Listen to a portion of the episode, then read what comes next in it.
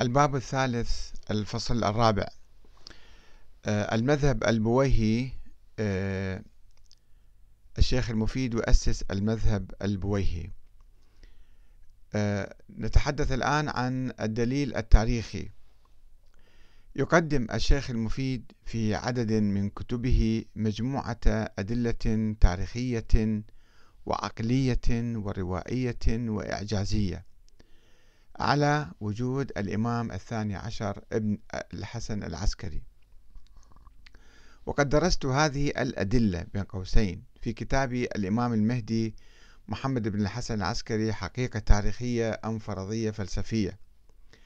وسوف أقتصر هنا على ما رواه المفيد من أدلة حول الموضوع.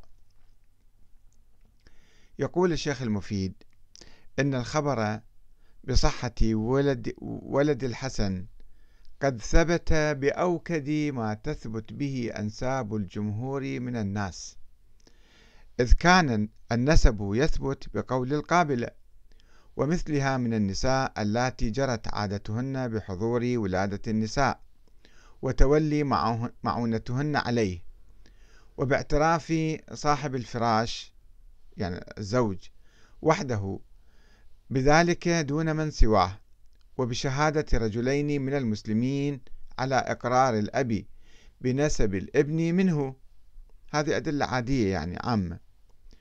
وقد ثبت أو ثبتت أخبار عن جماعة من أهل الديانة والفضل والورع والزهد والعبادة والفقه عن الحسن بن علي عليه السلام أنه اعترف بولده المهدي.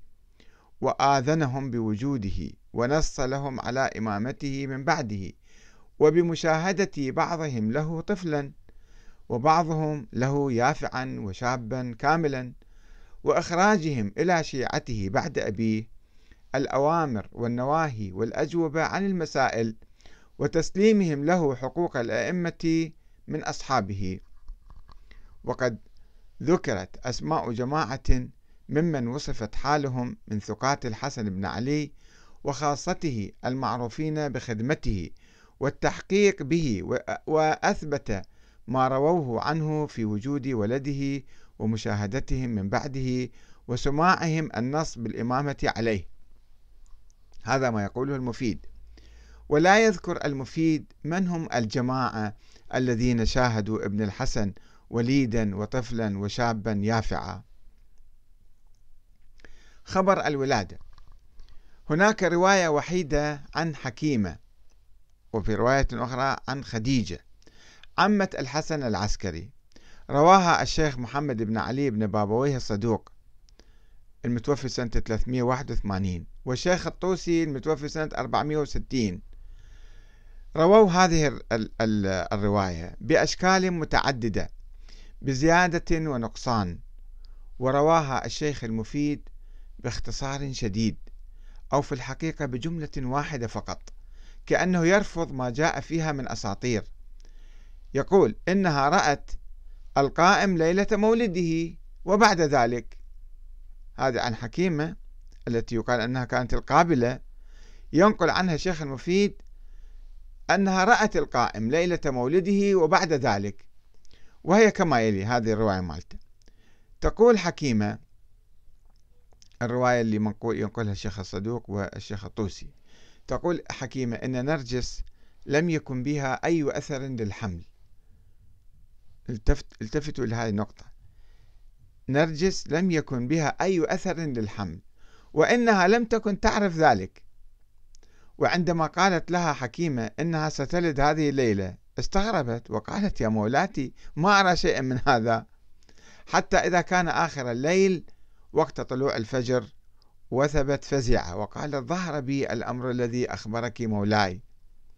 فأقبلت حكيمة تقرأ على نرجس القرآن فأجابها الجنين من بطن أمه يقرأ مثل ما تقرأ وسلم عليها. مما أثار فزعها طبعا كل كل أم تفزع وكل امرأة تفزع عندما تستمع إلى طفل في بطن أمه يتكلم مثلا. هذه أسطورة طبعا ولكنها هكذا تروى.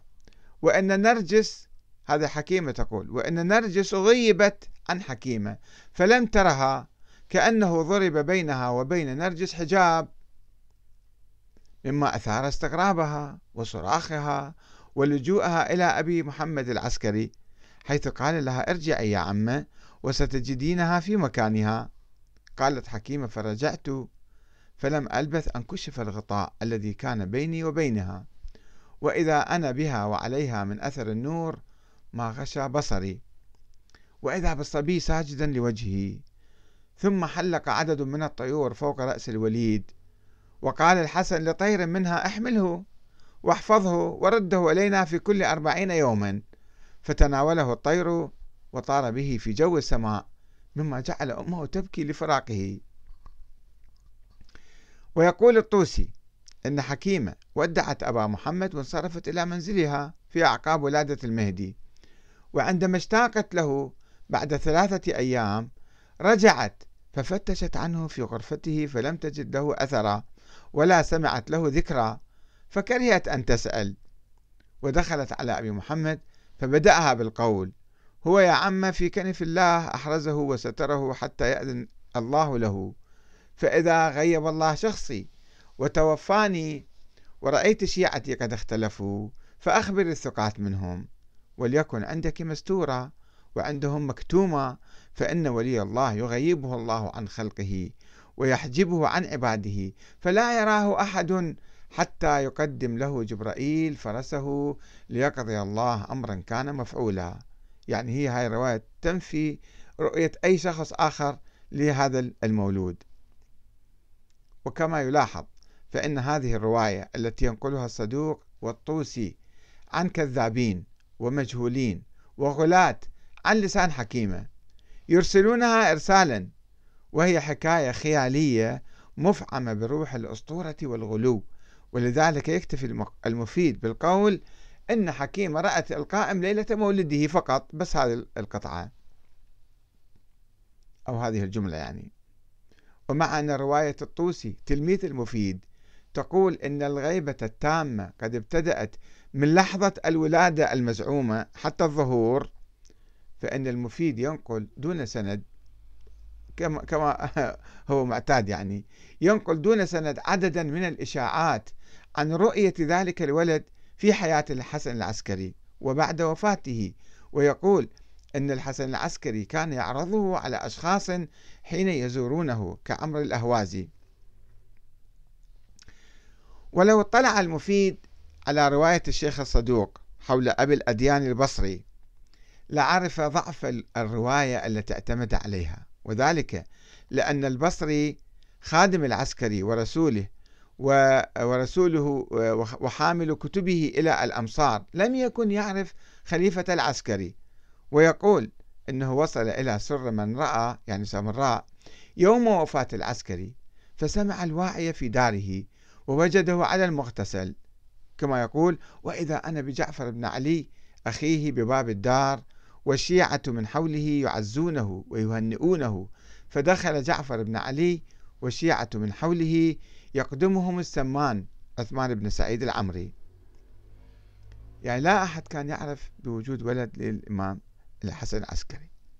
ويبدو أن المفيد لا يصدق رواية البصري التي تتضمن أيضا خروج الصبي والصلاة على جثمان أبيه أمام الملأ لأنها تتناقض مع السرية الشديدة المفترضة فلا يذكرها المفيد في أي من كتبه. ويكتفي بالاعتماد على رواية مدعي النيابة الخاصة الأول عثمان بن سعيد العمري إنه قد مضى أبو محمد ولكن خلف فيكم من رقبته مثل هذه وأشار بيده.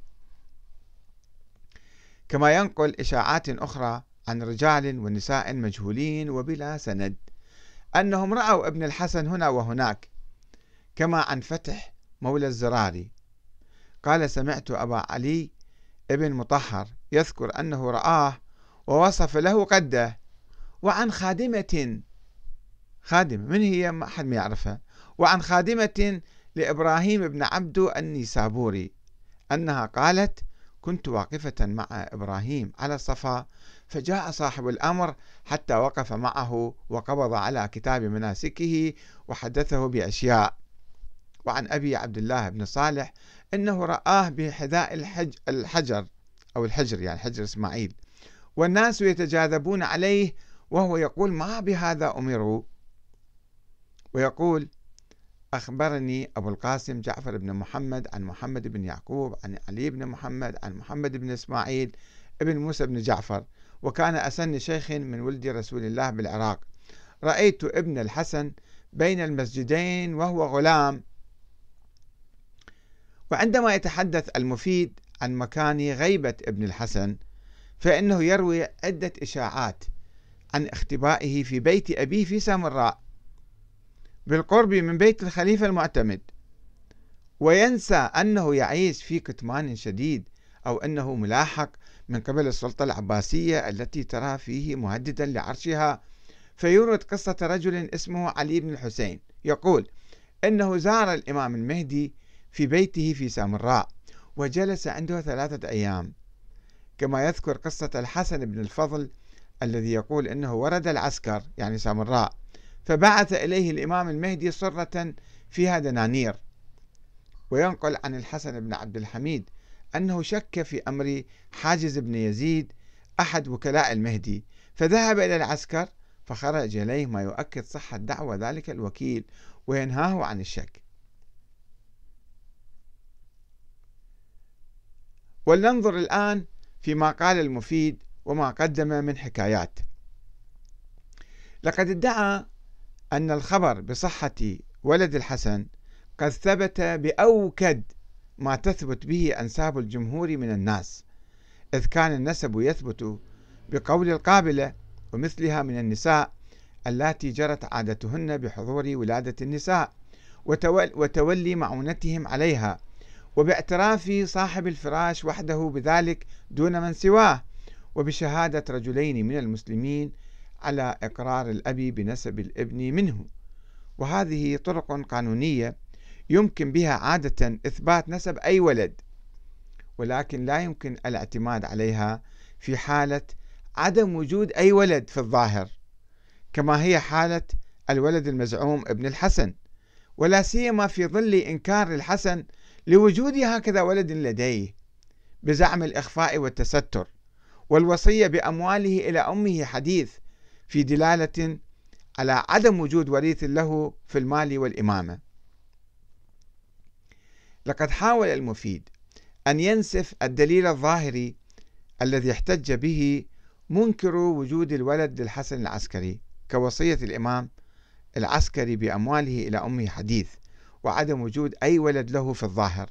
ونفي أهل البيت ولا سيما جعفر بن علي لوجوده فقال أما تعلقهم بوصية أبي محمد الحسن في مرضه الذي توفي فيه إلى والدته المسماة بحديث بوقوفه وصدقاته وإسناد النظر في ذلك إليها دون غيرها فليس بشيء يعتمد في إنكار ولد له قائم من بعده مقامه من قبل أنه أمر أمر بذلك تمام ما كان من غرضه في إخفاء ولادته وستر حاله يفسر يعني إخفاء الإمام العسكري بتفسير آخر تعسفي.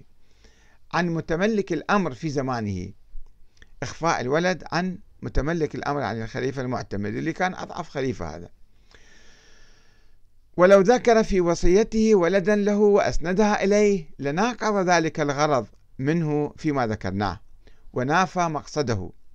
لا سيما مع اضطراره إلى شهادة خواص الدولة العباسية عليه في الوصية وثبوت خطوطهم تواقيعهم يعني فيها كالمعروف بتدبر مولى الواثق وعسكر واحد اسمه عسكر الخادم مولى محمد بن المأمون والفتح ابن عبد ربه وغيرهم من شهود وقضاة سلطان الوقت وحكامه. لما قصد بذلك من حراسة قومه وثبوت وصيته عند قاضي الزمان وإرادته مع ذلك الستر على ولده وإهمال ذكره والحراسة لمهجته بترك التنبيه على وجوده والكف لأعدائه بذلك عن الجد والاجتهاد في طلبه. ومن اشتبه عليه الأمر فيما ذكرناه حتى ظن أنه دليل على بطلان مقال الإمامية في وجود ولد للحسن مستور عن جمهور الأنام كان بعيدا من الفهم والفطنة بائنا عن الذكاء والمعرفة عاجزا للجهل عن تصور أحوال العقلاء وتدبيرهم في المصالح. يعني هنا الشيخ المفيد يفترض فرضية سرية باطنية ويتهم الذين يستخدمون المنطق الظاهري العرفي المعقول بأنهم أغبياء وما يعرفون وعاجزين وما يفتهمون أي شيء. والسلام عليكم ورحمة الله وبركاته.